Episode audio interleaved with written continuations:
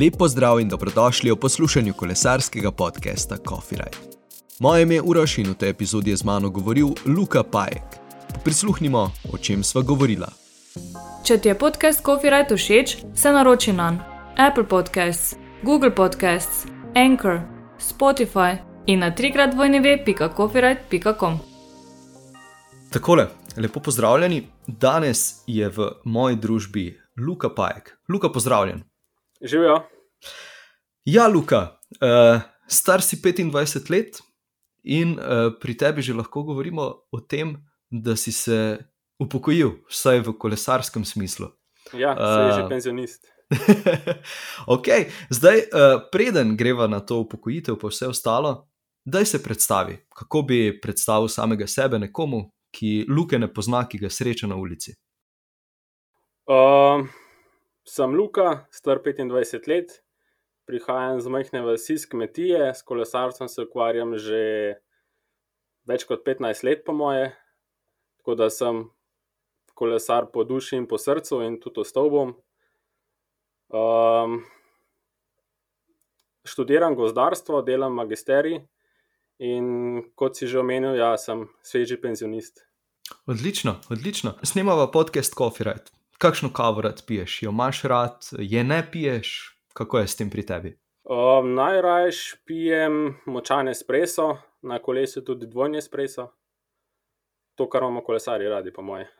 Kulsko, kulsko. Je kak uh, poseben način priprave uh, kave, si jo, si jo pred, uh, pripravljaš sam ali uh, prepustiš to zgolj v, v kavarni ali pa v gostilni, da ti jo pripravijo? Ne, zjutraj si ponavadi naredim kavo v tej kafeteri, uh, uh -huh.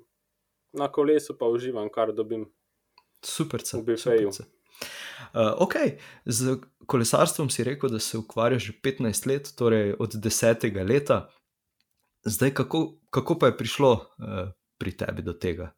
kdaj si spoznal kolo, oziroma kdaj, kdaj si, recimo, uh, če se seveda spomniš, da je bil tisti prelomen trenutek, ko si pa rekel, ok, mogoče pa bi jaz začel trenirati kolesarstvo, ne bi samo kolesaril, kaj pa vem, okrog po gozdu ali pa po cestah. Že ko sem bil majhen, smo z družino zelo veliko kolesarili, sicer takrat z gorskimi kolesi po cesti. In doskrat sva starejšim bratom tako med sabo tekmovala, kdo bo hitrejši, pa kolesa sva sama pucala, da so se svetla. In pol smo šli na kakšen maraton, na kakšno prireditev, tam vidiš vse te ta hude specialke in ti ratajo všeč. In tako sem jaz prvi v družini kupil specialko, in pol so z bratom še bolj tekmovala, on je kupil svojo. In pol je dal oče idejo, kaj če bi začel trenirati, in sem šel na prvo tekmovanje v moji starostni kategoriji. Um, in potem so me prijavili v Adriu Mobil, kjer sem začel uh, pri Dečki H, in od takrat se je razvila moja karijera naprej. Odlično. In zdaj, 15 let kasneje, si rekel, ok, zdaj pa je karijera dovolj, zdaj, zdaj se pa jaz, uh, uh, zdaj pa se je treba upokojiti, uh, pa nadaljevati dalje. Zdaj, seveda je vprašanje, kako pa to, da je zdaj tako hitro prišlo do takšne odločitve. Ja, sej ta odločitev ni bila lahka in tudi ni prišla čez noč. Um, in tako bom rekel, zelo težko je nehati, ko si enkrat toliko časa v kolesarstvu in ti ta način življenja pride v kri, in hodiš po dirkah, in potrebuješ ta adrenalin, uh, moraš se nekaj dokazati. Ampak, ko pa daš vse račune na mizo, pa poleg dirkalne kariere sem še redno študiral, in zdaj sem ravno pred tem trenutkom, da zaključim magisterij in bi rad to v. v v redu zaključil. In, uh, kot verjetno veste, v kolesarstvu, če nisi v World Touru, ni prav veliko denarja. Sem rekel, da se raje raj odločim za uh, službo in pa da končam faks in vidim, kako se potem naprej odvija moje življenje. Ok, ravno, ravno moje naslednje vprašanje je bilo to, kaj je, kaj je v bistvu bil tisti, uh, tisti ja, uh, spet bom uporabil besedo prelom, torej tisti prelom, trenutek, ko si pa rekel, ok, uh, zdaj pa bi jaz morda začrtal drugače pot. Torej, uh, So bili to rezultati, je torej to bil študij, vse ostalo, uh, ali, ali je še kaj zraven takšnega? Um, sigurno je v prvi vrsti uh, vse pogojeno z denarjem. Uh, pri 25 letih uh, moraš že počasi razmišljati, kako, boš, kako se boš preživljal, kako boš šel na svoje in z neko majhno štipendijo, ki jo dobiš v kolesarskem klubu, si tega ne moreš privoščiti. Ne? In, uh, imel sem tudi štipendijo, uh, ki je bila povezana s študijem, in če študije ne končam v določenem roku, bi tisto moral vrniti nazaj. In sem rekel, da raje ne reskiram tega in se vržem v študij in v miru dokončam. Razumem. Če pa, razumem. če pa ne bi bil odvisen od denarja, ne, pa da uh, željo še imam po dirkanju, bi zagotovo nadaljeval z dirkanjem. Ravno to sem tudi rek, uh, mislil reči, da vidim, da ti pomankanja motivacije ni, ne? ne pa veselja do dirkanja tudi ni, ni odšlo. Ne, ne. ne. Zdaj uh, si dokaj novo pečen upokojenec, rečemo tako. Uh, koliko časa je zdaj minilo? Dober teden? Uh, ne, mislim, ja, uradno ja, ampak uh, ne treniram več tako intenzivno, že približno dva meseca, od, od zadnje dirke v bistvu. No. Okay, okay. Sem, zdaj... pa, sem pa v bistvu zaključil ravno na, po mojem, višku moje, uh, mojega performansa kolesarskega. No. Ok, okay. Da, še, da še mogoče uh, to omeniva. Torej, uh, dirkal si za Tim Hrinhov, Advarix. Uh, ja. Kako je bilo, mislim, uh, zdaj, uh, če, če to primerjaš s slovenskimi klubi, uh, velik razkorak ali, se, ali se dokaj, so dokaj podobni, recimo, pogoji za dirkanje, pa za treniranje?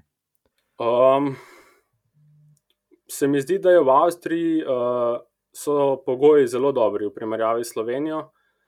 In ta ekipa, v kateri sem bil, se zagotovo lahko primerjal vsaj z Adrijo Mobil.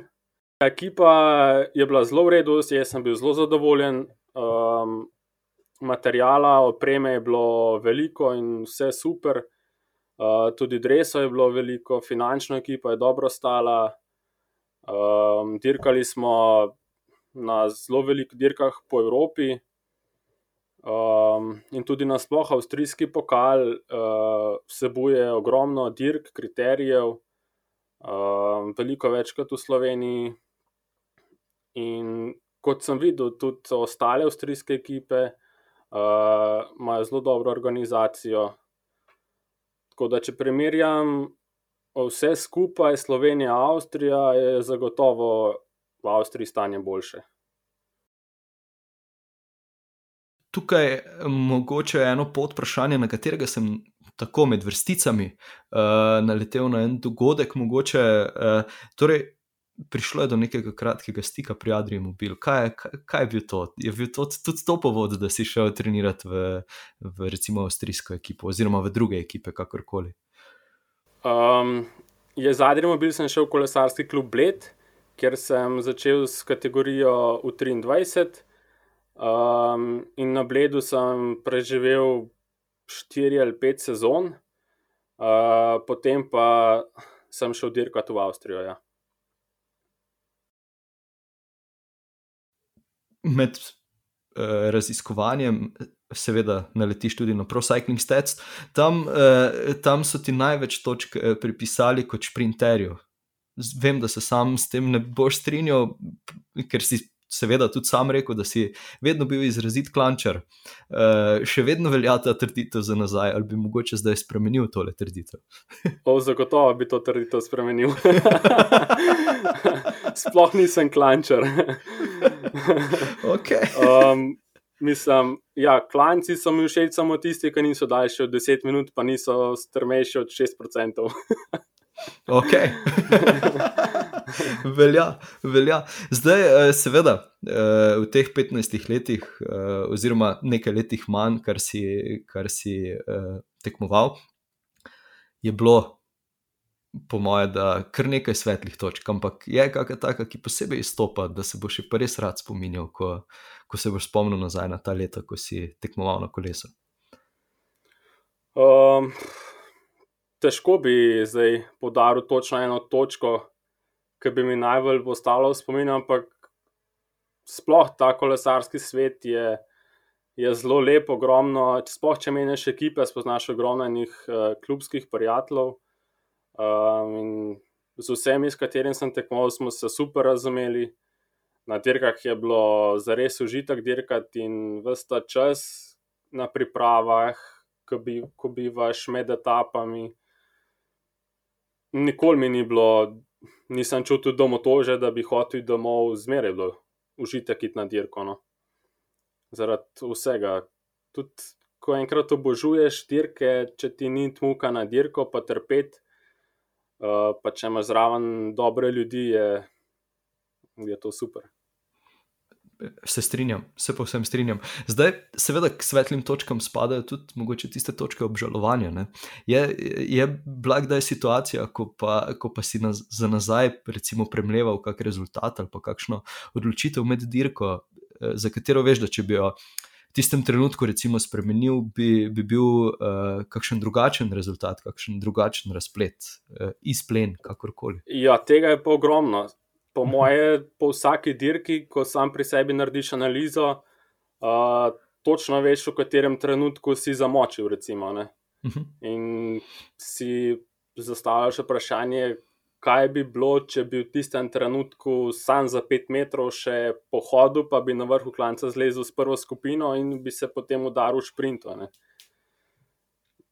To je sigurno. Um, ali pa doskrat se vprašaš, če bi lahko dosegel še marsikaj več, če bi več treniral, ne? samo v tistem trenutku, ko pa treniraš, se ti zdi, da pa delaš vse optimalno. Umenil si že sam, eh, da, da študiraš gozdarstvo. Eh, srednjo šolo mislim, da si naredil geodetsko, če se ne motim. Ja, res je. Tako je. Okay. Eh, kakšna je recimo zdaj želja za naprej? Kakšne si si zdaj zadal cilje, ko si se odločil, da, da je recimo, da konec s tekmovalnim kolesarstvom, verjamem, da še bo ostal v tvojem življenju, ravno danes si bil na kolesu, tudi kar smo prej govorili. Ampak ja, kakšen je recimo cilj zdaj za naprej? Um, v prvi vrsti čim prej uh, dokončati magistr, magistrsko uh mhm. -huh. nalogo, um, dobiti eno dobro službo v smeri gozdarstva, uh, zraven pa kolesart, uh, iti mogoče še zdaj, dokler sem mlad na kakšno dirko, še malo potestirati noge.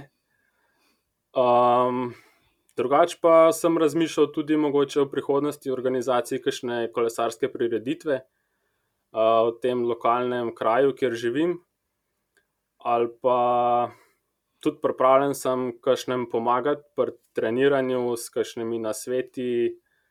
Uh, svetovanje, prvo premi, ker ko se enkrat toliko časa v kolesarstvu obvladaš vse. Ne? Tako da težko bi, težko bi kar na hitro zapustil kolesarski svet, pa se začel ukvarjati z gozdarstvom. Je, zdaj, zdaj vidim, da super eh, nadaljuješ moje teme, zaradi tega, ker naslednje vprašanje je bilo ravno to, če se še vidiš, eh, ki je v kolesarstvu, ki je v kakšni uh, ekipi, mogoče na kak drugačen način pomagati. Ampak ja, si že, si že, si že sam povedal. Ja, ampak tudi pogovarjal sem se uh, s to mojo prejšnjo ekipo. Avstrijsko, da če bo potreba, grem z veseljem še kdaj z njimi na dirko kot mehanik, kot pomoč pri uh, pripravi hrane, podajanju bidonov. Tako da, sigurno bom še kje upleten. Ko si šel na dirke, ko si treniral, eh, kateri aspekt ti je bil najbolj všeč? Recimo, je bila to priprava kolesa na dirko, je bila to priprava samega sebe na dirko, je bilo to treniranje, raje dirkal. Ja, ker je eno tako multifunkcionalno vprašanje. um, odvisno, um, v kateri ekipi, pa kdaj. Ker uh, v začetku kariere, uh, oziroma v manjših ekipah, moraš veliko dela uh, opraviti sam, kot si že omenil, uh, priprava kolesa. Uh, v kolesarskem klubu Bled sem dirkal s svojim kolesom, s vso svojo opremo in seveda to pereš pred dirko, uh, podmažeš ležaje, zamenjaš ketno, trakno. In pač to je en tak ritual, ki če si ta prav kolesar, ti je všeč in v tem uživaš. In jaz sem v tem užival in zmer sem imel v nulo prano kolo, vse je moralo delovati tipi topi. Um, velikrat sem nastavljal menjalnik zvečer, preden sem šel spat, drug dan pa na dirko. In doskrat se mi je tudi kaj zalomilo, ampak. no, potem pa, ko prestopiš v uh, močnejše ekipe, kjer za to skrbijo drugi, pa po mojem, najboljši del dneva hrana, pa masaža po dirki. Ok, vrhunsko. Eh, zdaj uh, vem, da ekipa Hrinkov vozi Hrinkov kolesa. Je ostal v tvoji ja. lasti, ali, ali si si zdaj za, za konec omislil kakšno uh, čist posebno kolo? Uh, ja, zaenkrat je kar še v moji lasti, ker je čist super kolo. Um, obdržal sem svoje trening kolo, ki sem dobil na začetku sezone, popolnoma novega, škatle. In vem, da sem za njega skrbel redno in da vse dela tako, kot mora, in sem rekel, zakaj pa ga ne bi obdržal. Ne? Super, super. Zdaj, uh, v tem času je bilo najbrž kar nekaj coffee rajdov. Uh, je kakšen tak, ki ti je mogoče posebej ostal v spominu, ali pa je kakšna trasa, ki si jo že stokrat odvozil, pa jo boš še stokrat odvozil, ker ti je to všeč. Je kakšna takšna stvar? Um, ja, je en. Moj ultimativni coffee ride je zagotovo, ko greva s punco iz Lesc, ki ona živi v lesah, uh, se zapeljeva do Bleda, se tam ob jezeru usedeva na klopco in pojeva sladoled za kusa manga in greva nazaj do Lesc. Sliši se kot super ride. To je moj coffee ride. super. Uh, ja, preden zaključiva. Uh, še morda kakšna misel, kakšen nasvet, uh, karkoli v bistvu, kar pade na pamet. Um, ja, uživajte na kolesu, pa čim manj gledate na števc, pa na stravo. Super. Uh, Luka, jaz upam, da tole ni bilo prehudo, da ni, bil, uh, da ni bilo tako, kot si rekel pred snemanjem, kot zagovor na faksu preko Zuma. ne, ne, ni bilo. ni bilo pretežko. Najlepša ti hvala za ta pogovor in pa seveda vse dobro. Ja, hvala tudi tebi. Čau. Čau. Luki, še enkrat najlepša hvala, da si vzel čas za pogovor. Če želiš Copyright podpreti, odklikaj na trikratvojneve.copyright.com pošiljka Coffee Shop in z nakupom podpri delovanje podcasta.